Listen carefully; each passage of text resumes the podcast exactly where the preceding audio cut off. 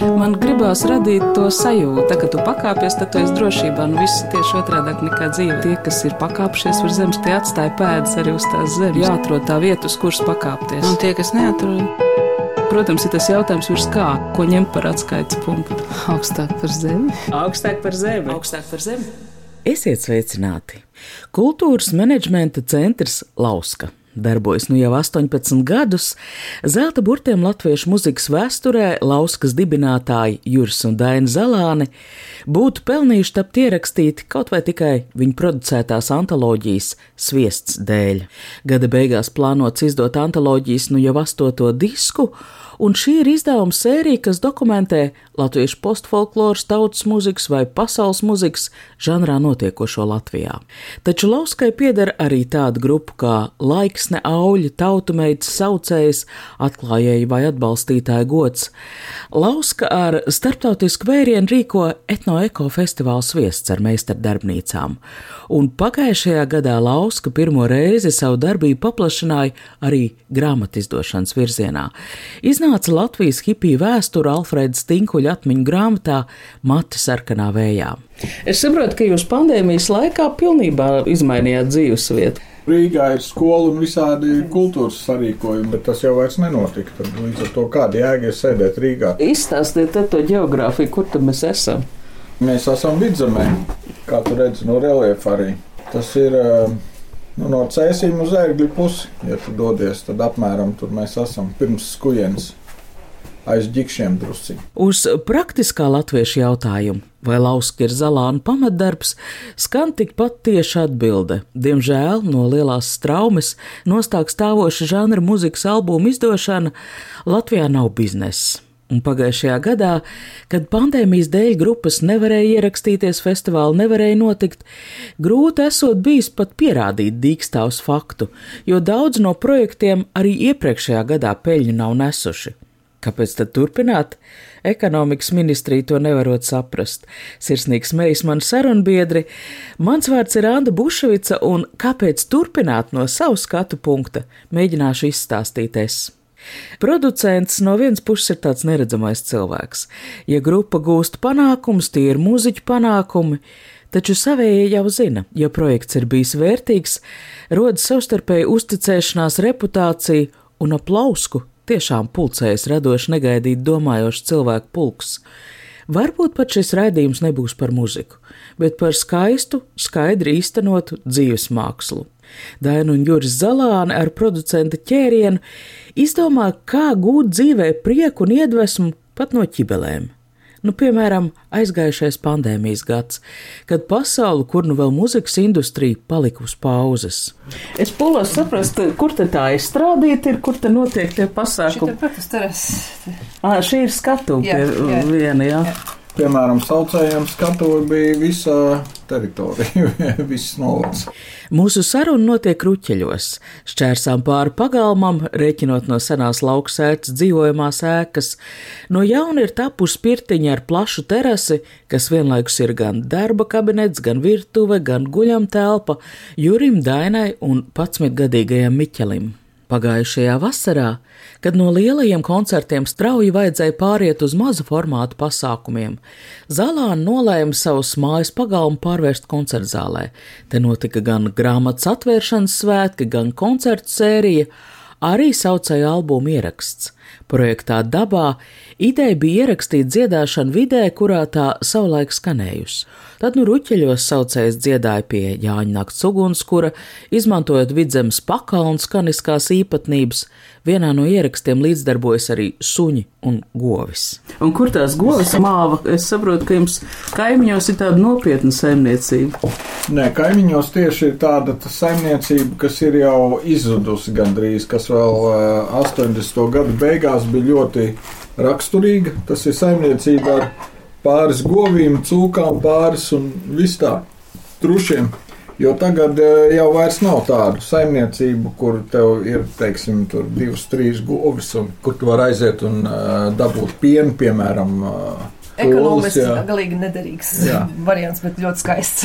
Tas ir tas Alva Harmaņa sapnis par to tantiņu ar govi. Ja? Tieši tā, tas Nu, jā, ir, tas jā. varētu būt. Jā. Mm -hmm. Bet nu, viņš var savā teātrī to sapņot, bet, bet dzīve, dzīve ir skarbāka. tagad šito ziemu mēs šeit bijām tiešām uz vietas. Un, kad es tagad apjēdzu, ka viņiem tur jācīnās, lai pabarot visu to saimnu, visu ziemu. Ja, ja tur aizsniegt ceļš uz divām, trim dienām, graudas nevar dabūt augšā, nu, tad jau grūti tur tiem divām govīm būtīt. Tur, un, nu, bet viņam vienmēr visiem suņiem spālu spīd un viss, viss ir, bet nu, to visu apkoordinēt ir diezgan traki. Nu, es saprotu, ka Miķels tikmēr eh, uz putnu vērošanu pārmetās šo ziemu. Tavs galvenais mācību priekšmets bija putnu vērošana. Jā. Man tā attālinātā skola ļoti palīdzēja. Tev patīk labāk attālināt? Nu, jā, priekšputnēm tas ir daudz vieglāk vienkārši uzreiz iziet ārā vai starp brīžos iziet ārā. Var fotografēt uzreiz. Iepriekšējā dienā Kubezels dabas takā Skrimuldā notika Miķeļa Zalāna pirmās putnu fotografiju izstādes atklāšana. Un šī ir vēl viena liecība, cik atapīgi pandēmijas ierobežojums var padarīt par iedvesmu savotu jaunu koncertu formu radīšanai.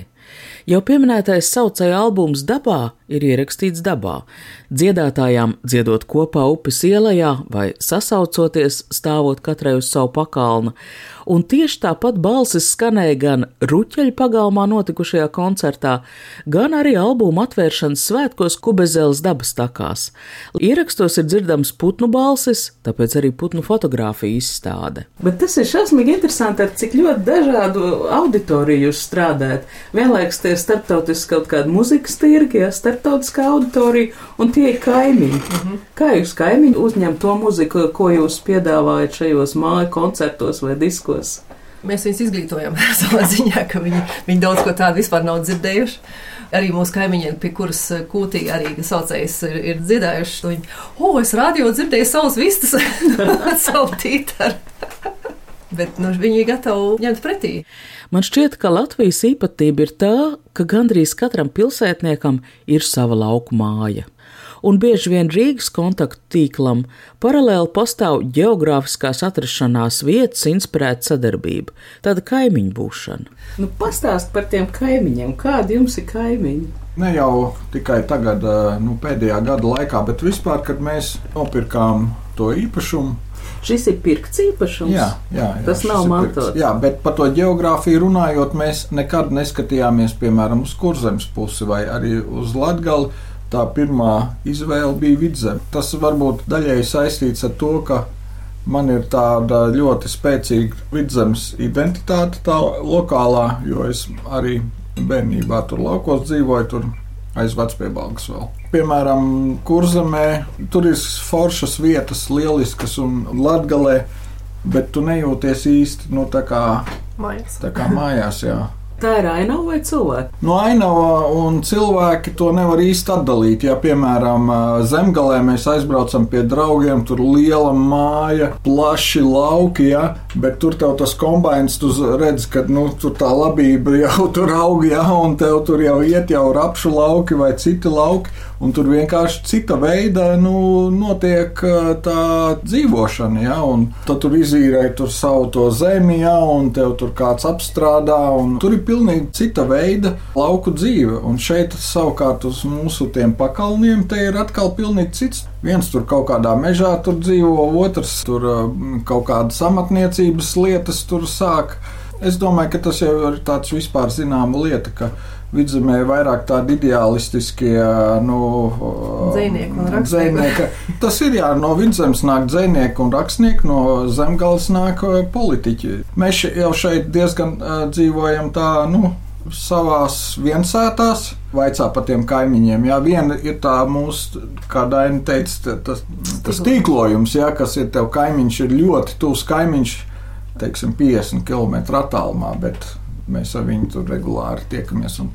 Bet kaimiņš, kas tev ir varbūt puskilometra attālumā, ar to mēs iepazīstamies pēc desmit gadiem, kad mēs sarīkojam šo koncertu. Jā tu nodzīvo 20 gadus, tad jau tu vari sākt jau uh, cerēt, kad, nu, ka tu jau kļūsti jau tā kā bišķiņu vietējais. Jā. Nu, ne, ne visai, bet nu, tu zini, kuram ir traktors, kurš var palīdzēt tur zāģis salabot, nu, kurš nāk, nu, tā, visā tāds mm. praktisks lietas, kad ir tad, tad, tā, tāda veida saites. Tur, Viņš tev kaut ko labi izdara, tu viņam kaut ko atved no Rīgas vai, vai nu, tāds, tā, tā barterēšana notiek. Un, mm -hmm.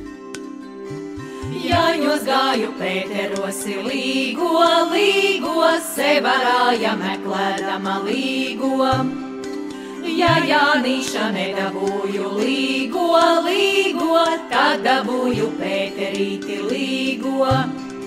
Aja Pētera nedabūju līgo, līgo, tad dabūju jēkabiņu līgo. Ja jēkaba nedabūju līgo, līgo, tad dabūju labrencīti līgo. Juris un Dāna Zalāna dievojas, ka tā ir tikai sakritība, ka ikvienam, kas kaut cik interesējas par folkloru, labi zināmā ģikšu danču nakts, notiek tikai pāris kilometru attālumā. Pie vainas esot Ines un Andris Rozes, drabešu amatmājas saimnieki. Savus tīklojumus veidojas arī no ceļabiedriem, meklējot Latvijas pilskalnus Un vēl viens nozīmīgs stūrakmens kaimiņu tīklojuma tapšanā ir kopīgās Jāņa svinības. Bet kur tad ir tie kaimiņi, kuriem jūs kopā Jāņas svinat? Pirmkārt, mēs izlēmām, ka mēs rīkosim katru trešo gadu, jo nu, tas ir diezgan liels, ievērojams darbs un rūpes. Nopietni jāpiestrādā, lai tu varētu uzņemt visus tos Jāņa bērnus. Tad tu zini, no šogad tā rīktīgi, un tad divi gadi varēs atkal. Tad pēdējos tur kaut kādus 11 gadus, tad izveidojās tāds trīs gadu tāda slepenā biedrība, jā, kur mēs tad rīkojam. Spriežot pēc bildēm, diezgan atvērta biedrība. Tur jums ir no pārnovadiem, ir no vēl aiz robežām atbrauc. Protams. Sabrauc tad eh, no visurienes. Eh, Vismaz senajos laikos, kad cilvēku vēl. jā, jā. Un arī, arī ārzemnieki visādi tur tajā pavasarī pēkšņi uzrodās kaut kāds franču meitenes kaut kāds vai kaut kāda tur spāņu vai kas pēkšņi uzrodās. Un tad viņiem uzstūķē to linu kraklu, uzliec goņēgu un palaid pļavā, lai līgo līdzi. Nē, nu viņi arī drusku pastrādā reizēm. Jā, jā, viņi jau no, no. Bet te ir jā, tas paplašinās tie kaimiņi arī tur līdz uh, Somijai un, un Spānijai un tā, tā kā. Jo viņi, nu, reizēm ir tā, ka daudz latviešu tur nesaprot, nu, kas tie jāņi tur piedzarās apēd šašliku. Ir tādi, kas atbrauc no Somijas, piemēram, un viņš ir pilnīgi nu, iekšā tajā tradīcijā. Vispār šogad, kad es tā sāku domāt, kur mums būs tie jāņbērni, viens no pamatiem ir savieši, kuros es kādreiz dziedāju. Un tie vecie savieši, tie arī tiešām katru gadu satiekās, tad, eh, vai pie mums, vai citur. Mums ir tas repertuārs kopīgs, un mēs varam dzirdēt visu tādu nakti kopā, jo mēs zinām tās dziesmas. Otru jāņa, kas notiek pie Enāra un Baibas dumpjiem, tur metrienā. Viņam tur ir milzīgs tas ugunskurs, kas tiek keramiķi, vai ne? Jā, jā, viņi saprot uguni. Jā, jā, un viņam tur ļoti uzsvars uz uguni, bet viņš, nu, viņam tur ir diezgan plakants, viņam, viņš, o, tā ir tev kalns bet uh, viņš nevar to bumbu ripināt no. no Tad viņš uztaisīja uguns ratu, ko viņš tad uh, pa apli laiž pļauj naktī tumsā. Vai arī augstāko pūdeli jāuzceļ uh, visaugstākajā kārtī, kas tur žvangājās, tu domā, ka, ka tik tulīt nenolūzīs. Cik tu gadus nodziedāji saviešos? Es neatceros, kāds astoņas. Oho, tik daudz. Savieši ir viena no vecākajām Latvijas folkloras kopām. To 1980. gadā Rīgas Lietušķās mākslas vidusskolā nodibināja Valdes Muktu Pāvels. Taču Dainis Zelāns folkloras kustības dalībnieces biogrāfijā ir vēl kāds posms, kas izskaidro, kamdēļ Lauskas izdoto albumu vidū ir arī kādreizējā trimdā darbojošās kopas un personības. Tu esi dzimusi Vācijā, jā? Ja? Jā, es esmu dzimusi mm -hmm. uzaugusi Vācijā. Bijusi rimts tautiet, nu jau es lielāko dzīves daļu esmu Latvijā nodzīvojusi. Kurā gadā tu atbrauc uz Latviju? 97. gadā. Kāda bija tava motivācija? Nu, kad es uh, augu, tad man vecāki teica, ka Latvija būs brīva, mēs atgriezīsimies. Un, un Kur tu dzīvoji? Kurā es, es dzīvoju Priemenē, Ziemeļvācijā. Mums tur nebija liela tā kopiena. Latvieši tur bija dažas ģimenes, ar kurām tad satikās, bet mēs braucam tad uz Minstras Latviešu uh, centru. Tur es arī trīs gadus gāju Minsas Latviešu ģimnāzijā. Un, kad es pabeidzu to skolu, tad es atbraucu uz Latviju. Nu, es biju arī iemīlējusies, un tad man bija skaidrs, ka es braucu uz Latviju. man tā folklora vienmēr interesējusi. Es, es, es toreiz, tur, kad Austrijas krāsas Vācijā, tur visās tas ķēlnes prāģers dibināja un visu to dziedāšanu. Tur daudziem trījus latviešiem tas nebija pat saprotams, viss tā tradicionālā dziedāšana. Bet viņš tur ļoti ar to nodarbojās un mēģināja to skaidrot. Skandinieki tad tur brauc, tad sākās apmaiņa arī. Nu, un man tas ļoti vienmēr paticis un fascinējis. Un tad es, kad atbraucu šurp, tad arī uz Danču klubu vienmēr gāju, un, un tas kontakts ar folkloristiem man vienmēr bija. Tu atgriezies folkloras dēļ? Nu, arī nē, nu, īsumā tas ir tāds dzīvesveids, ka nu, šī ir vienīgā vieta, kur tu vari dzīvot un, un runāt latviešu uz ielas. Un, kā man viena amerikāņu latviešu draudzene teica, ka šeit tu pat jogojot, tu vari būt latviečs. tur tur neko vajadzēja pie friziera un runā latviešu, kas vienkārši jebkurā citā valstī. Tad tu dzied latviešu korī vai tev, nezinu, svētdienas skola vai vēl kaut kas, bet tas ir tikai viens posmiņš. Bet šeit tu esi tā kā vienā gabalā Latvijas. Jūties kā, nu, kā mājās. Man tev nav jāiet uz kori, ja tu negribi. Jā, tieši tā, tu vari neiet uz to koru un tomēr būt Latvijas. Un cik sens ir kultūras menedžmenta centrs Lauska? Mēs tieši sākam skaitīt, ka laikam 18 gadu mums jau tagad ir. Mēs, mēs kad mēs nodibinājām to, bija doma nodibināt pašam savu kaut ko, lai neviens to netraucētu darboties. Es nezinu, kā jūs vispār ar kultūras menedžmentu sākat darboties. Izstāst savu Jā. saistību ar folkloru, varbūt tev arī ir citi. Mēs nekad neesam par to runājuši, varbūt tev arī ir cita profesija. Nē, nu man ir pirmā profesija, man ir pārtiks tehnologs Jelgavā. Tas bija vēl 80. gados. Un otrā, nu, pēc tam es vēstures fakultātē iestājos arī. Es jau biju pēc atmodas, jo līdz pat 80. gadu beigām man nebija nekāda saistība ar kaut kādiem folkloristiem, folkloras kustību vai vēl kaut ko. Nu, tik daudz, ka tu zini, ka tur darbojās kaut kāds valdes muktu pāvels vai reiznieks. Pirmais tāds tiešais iespējas kur folklore te uzrunā tādā tiešā veidā, bija Baltika, kas bija Rīgā. Tā leģendārā 1900, ja nemaldos, 88. Varētu būt, ka tas bija, jā, laikam tas bija 88. gads, un manuprāt, jā, tieši Dandari, nu, kas tur uz ielas tur dejoja, un tad tu saproti, ka tas ir tavējais, un tu jūti, tā ir lieta, kas tev ir uh, svarīga un kas sakņojās tevī, un tas ir baigi labi. Tie bija Dandari, jā kaut kādā 90. gadu vidū, tad es sāku piestaigāt uz uh, Danču klubu, Rīgas Danču klubs. Bija tie danči reizi divās nedēļās, un man liekas, ka bija pāris gadi, kad es neizlaidu nevienu reizi. Un tur tā mūzikas būšana bija tāda, ka tur jau nespēlēja grupa tos dančus. Kāds sastāvs tajā vakarā savācās, kurš tur kur instrumentu paņem līdzi, tas arī ir, un viņi spēlē. Un tad tu klausies to mūziku, tad tu sāc jau dzirdēt tās grupas, tur dziesmas, tur dēļas, dančus. Un uh, tad es uh, skatījos, jā, ka nav, nu īstenībā nekas īsti tā nav izdots. Nu, vienīgais upe tur izdod. Nu, likās, ka tas materiāls ir daudz vairāk, bet neviens to īsti nezina, jo tu pats to esi atklājis. Nu, piemēram, laiksni, ja, mums tur bija visādi tur braucieni tur uz Baltkrieviju, tur un visādas tādas nu, ļoti iespaidīgas lietas. Liekas, tagad vajag izdot to mūziku, un tad uh, cilvēki to atklās. Bet tā arī notika. Nu, jā, bet ir, tā joprojām ir ļoti no, šaura tāda nu, nišas lieta tomēr. Jo tu, kad mm -hmm. sāc, nu, kad tev kaut kas uzrunā, tev liekas, nu, tas Tas taču ir baigi iespaidīgi visiem. Tas noteikti tur skanēs visos radio, ja radio diviem. Tur mēs ar viņiem esam runājuši, un tā viņi saka, nē, mūsu klausītājs to nesapratīs.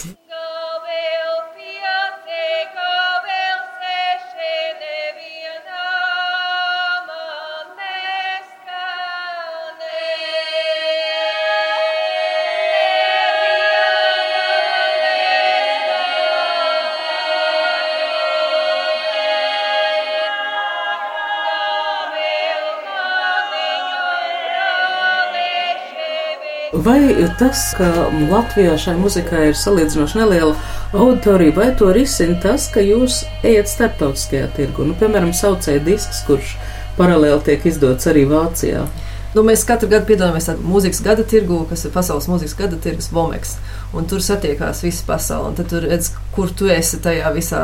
Tu vienkārši izkāp no sava pīļa dīķa mazā un skaties, kas vispār apkārt notiek, un iepazīsties ar visu, ko Un tur ir tāds vecais, kurš pēkšņi aizrāvās ar latviešu mūziku. Viņš tagad izdod ļoti daudz no mūsu mūzikas arī. Un tādas lietas, ko mēs vienkārši pat iedomāties nevarētu, ka to varētu uz ārzemēm laist. Nu, ka kāds varētu interesēties vai saprast kaut ko no tā. Man, piemēram, neienākt prātā saucējas, ka viņas tik ļoti varētu tagad baigi tur izdot. Un, Jo tas ļoti tradicionāli, ļoti specifiski, un tā mūzika nav tāda, ka tu tā foniņā paklausīsies. Ja, tur tiešām ir jā, bet, bet tā, tas tirgus, domāju, Vācija vai vāciski runājošais tirgus, arī Šveice un Austrija, ir tik liels. Viņiem tur ir tie interesanti, kas tieši par šādu arī var sajūsmināties. Ir jau kaut kāds atsauksmes par saucēju disku. Jā, jā, tu viņš uh, ir visādos radio bijis un, un, Un uh, tajā topā. Jā, katru mēnesi viņiem ir tāds uh, tops no pasaules mūzikas, vispār pasaules mūzikas. Šomēnes saucējs arī bija iekšā. Nu, tur aizsūta to disku, tad tur visādi eksperti klausās un sarindo to topu. Tā kā visās pasaules malās ir cilvēki klausījušies un kaut ko sapratuši par to. Un mums nevajadzētu tik ļoti domāt, ka mūs jau nu nesapratīs, jo mums ir tik unikāla tā lieta, ko neviens nevar saprast. Bet, bet mēs taču arī klausāmies, vai kaut kāds afrikāņus vai vēl kaut kāds pilnīgi kaut kāds tur rīklas dziedātājs vai kā. Un varbūt mēs nesaprotam tos vārdus, bet to noskaņu to jau var just.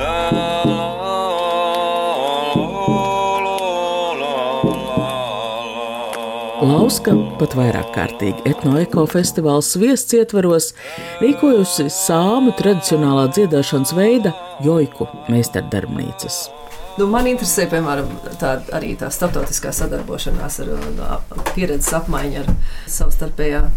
Un Tad man, mēs atradām tādu. tādu Kas tas ir? Tas ir jā. menzu āda. Kaut kas neticams. Šai brīdī Juris Zalāns no plaukta noceļ sidrabainu maku, kādu viņš iemācījies darināt no zivju ādas vienā no apmaiņas darbnīcām.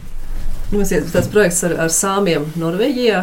Un, un mēs uh, mūsu festivālu apmainījās ar, ar amatniekiem un muzeķiem. Jūsu festivālā tas tā kā sviests. Jā, ar- jā festivāls viesis ar Īzu gaisa festivālu sāmu Mhm. festivālu Ziemeļ Norvēģijā. Un Tad mēs braucam uz turieni ar saviem muzikantiem un rādījām, kādu veidu mūziku mēs uh, spēlējam, un, un kādas uh, tur celošana vai, vai tur koklis. Uh, viņiem bija vispār atklājums koklis, vienkārši nevarēja ticēt, jo Somijā kokli ir ļoti slaveni, bet Norvēģijā un Sāmijā viņi vispār neko nezina. Viņiem tikai bungas.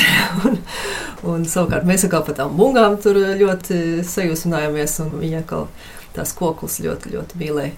Jo latvieši tās šamaņu bungas uzrunā ļoti. Bet viņiem atkal liekas, tā kogla ļoti tāds šamanisks instruments, ar ko tu vari doties ceļojumos visādos. Un ļoti interesanti bija. Mēs uzvārījām tur zāļu tēju un bija, bija tāds pašdarbināts krūzīts uh, nu, no mūsu draugiem keramiķiem. Līdz, un viņiem tas bija oh, roku darināts un, un dabīga tēja no zāle, zālītes. Un, Nē, nu beidz, Tas tas- Daina uzpina vaņam. Viņiem tur ir tāds brīnums. Kur jūs bijāt? Sāmzemē tur. Jā, tas, tas bija Ziemeļ Norvēģi. Tas, tas- jau bija krietnais polārā loka. Lavangen, jā, tāds mazs ciemats pie fjordiem. Tur bija. Jā. Nu, tas tur aizgāja pa uh, grāmatām, tur salasīja un, un sapņoja. Tad pēc tam man bija meistarklase jāvada uz paņemt pīšanas. Un tad es manīju, ka cilvēki tiešām pat nezina īsti, kā paņemt to puķīti, ko viņi darīt. Un, mums jau tas ir dabīgi, vismaz reizes gadā katrs kādu vaņēgu sapņu. Un tur jau nebija tikai sāmi un norvēģi. Tur bija arī tur bija pat no Dienvidamerikas un no Spānijas un Jā, no jā. visurienes. Tur bija un visi brīnījās par tiem es tiem vainīgiem. vaņēgiem es tur rulēju, tur visiem tur māksliniekiem vaņēgs. Pinu. Pilnīgi.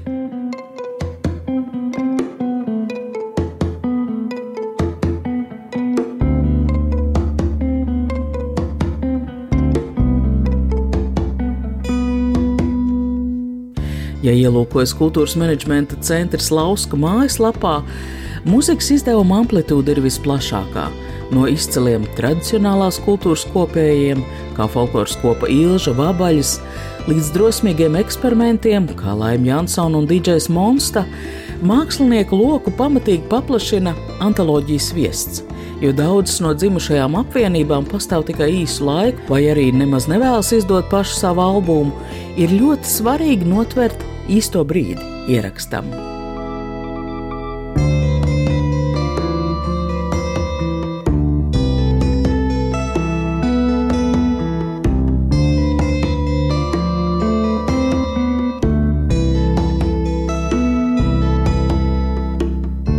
Jūs jau arī meklējat un radat nu, to pieprasījumu. Es atceros, ka Vētras saites iznāca disks. Es saprotu, ka lielā mērā tā bija Daina Tava vai, vai jūsu kopīga iniciatīva, ka trūkst šajā nišā tādas ambienta, nu, tā, šīs žanra, tādas muzikas. Jā, vētras sēdes mēs dzirdējām, laikam, tās lībiešu upurālās, bija tāds koncerts tur pirmo reizi, un tā, ups, tas ir interesants. Un tad kaut kā mums ļoti saslēdzās tas viss. Bet tā jau nenoliedzami, tas tur koklīt spēlē, un, un, un tie meldiņi arī ļoti daudz balstās uz tautas mūziku. Un man, man ļoti liels prieks, ka vismaz viena tāda grupa ir, kur šāda veida tādu ambientu mūziku arī Latvijā spēlē. Jo tādas, man liekas, daudz ir um, ārzemēs. Tā. Ir arī tāda albuma, ko gribas saukt par pētījumiem. Un tad tie, es teiktu, pat pētījums par koklētājiem, trēdeviņu koklētāji. Jā, tā bija juridējas. Tā doma bija jā, parādīt to vispār, nu, to plašo to vērienu, kādā veidā tā kokla šobrīd izpaužās. Un tad tu klausies, jā, tur ir etnogrāfiskā kokla, tur ir koncerta kokla, tur ir kokla saksofona, tur ir kokla kaut kādā, teiksim, folka grupas sastāvā. Ja. Kuri vēl ir tie ieraksti, ar kuriem jūs, nu, teiksim, to gandrīz 20 gadu laikā nu, lepojaties, kas ir jūsu atklājumi? Man ir vis, viens no svarīgākajiem ir tas laiksnes ceļš, jo pirmo disku mēs izdevām tieši Jāņu, Jāņu nakti zelta rasa laiksnes albums. Un tas bija pat mums vēl nebija lauska. Nebija lauska vispār. Jā. Tas bija pirms lauskas. tas ir kā 0,0 disks ar numuru 0. un šogad būs atkal laiksnes disks kaut kad gada beigās. Pa vidu jā, vēl ir vesela rīndējā, ko mēs izdevām. Un patiesībā tā laiksne ar to 2000. gada sākumā, kad mēs izdevām to disku, nebija tāda baiga slavenā grupa, ko visi zina, vai ne? Bet mm -hmm. mūzika ir lieliska. Un šobrīd ir tieši tas pats. Nu, vai tad kāds zina to, to laiksni? Bet mēs viņu izdodam, tāpēc ka viņi māca radīt foršu mūziku, māca izpildīt un ir vērts. Un tas ir tas, kas nenoveco. Tas pirmais, ko mēs izdevām, pirms tam vēl Lupa izdeva to dzegušu disku, kas vispār arī ir viens no tādiem izciliem. Tā mūzika ir gluži tikpat labi klausāma šodien, kā toreiz, kad viņi iznāca. Nu, mēs arī reizēm smejamies, ka mums tā auditorija nav tur baigi lielā, ja mēs nevaram pārdot tur tūkstošiem tur kaut kādas ierakstus. Bet toties tā mūsu mūzika īstenībā nu, nenoveco. Viņi skan interesanti šī brīdī, tad mēs pieņemam, ka tā mūzika skanēs interesanti un aizraujoši un uzrunājoši arī pēc 25 gadiem. Jā, saka, ka mēs, mēs necepam bulciņus, kurus rīt jau būs vecs. Jā, vai sakaltuši. Jo, jo, nu, labi, mums viņi stāv, tad tur tā kasts, bet katru gadu atkal citi cilvēki atklāja sev kaut ko. Jā. Un, un, un tas un, nav vecs, kas pirms pieciem vai desmit gadiem iznāca. Un tas otrs ir droši vien, kas jāpiemina ir auļi, vai ne? Jo tos mēs esam arī no paša sākuma izdevuši līdz pat šim brīdim, rakstam projektus, izdodam tur. Un tur mums ir tas mūsu cīņu biedrs Kaspars Bārbals, kurš darbojās pilnīgi citā veidā un citā nu, formā, bet mēs vienmēr esam uh, kopā.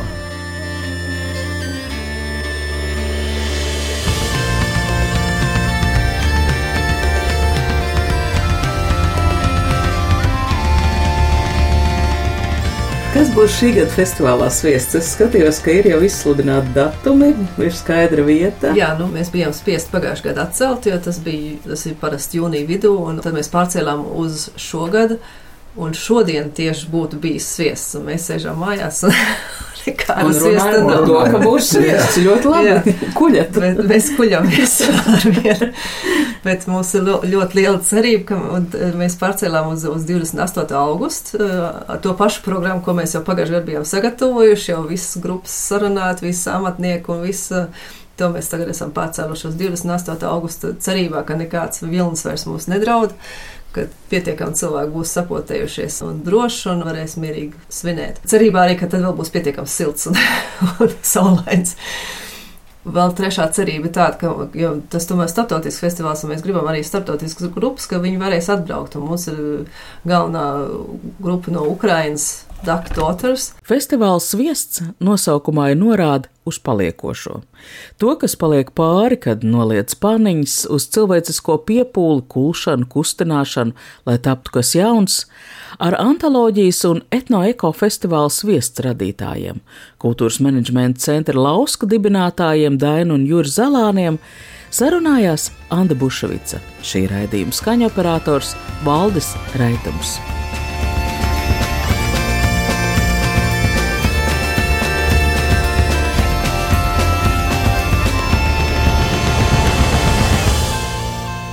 Tā, ka tu pakāpies, tad tu esi drošībā. Nu, viss ir tieši otrādi nekā dzīve. Tas ir tā spēle, jā? Tie, kas ir pakāpšies uz zemes, tie atstāja pēdas arī uz tās zemes. Protams, ir tas jautājums, ko ņemt par atskaites punktu. Nu, principā ir skaidrs, augstāk par zemi. Jāatrod tā vieta, uz kuras pakāpties. Augstāk par zemi. Augstāk par zemi. Augstāk par zemi.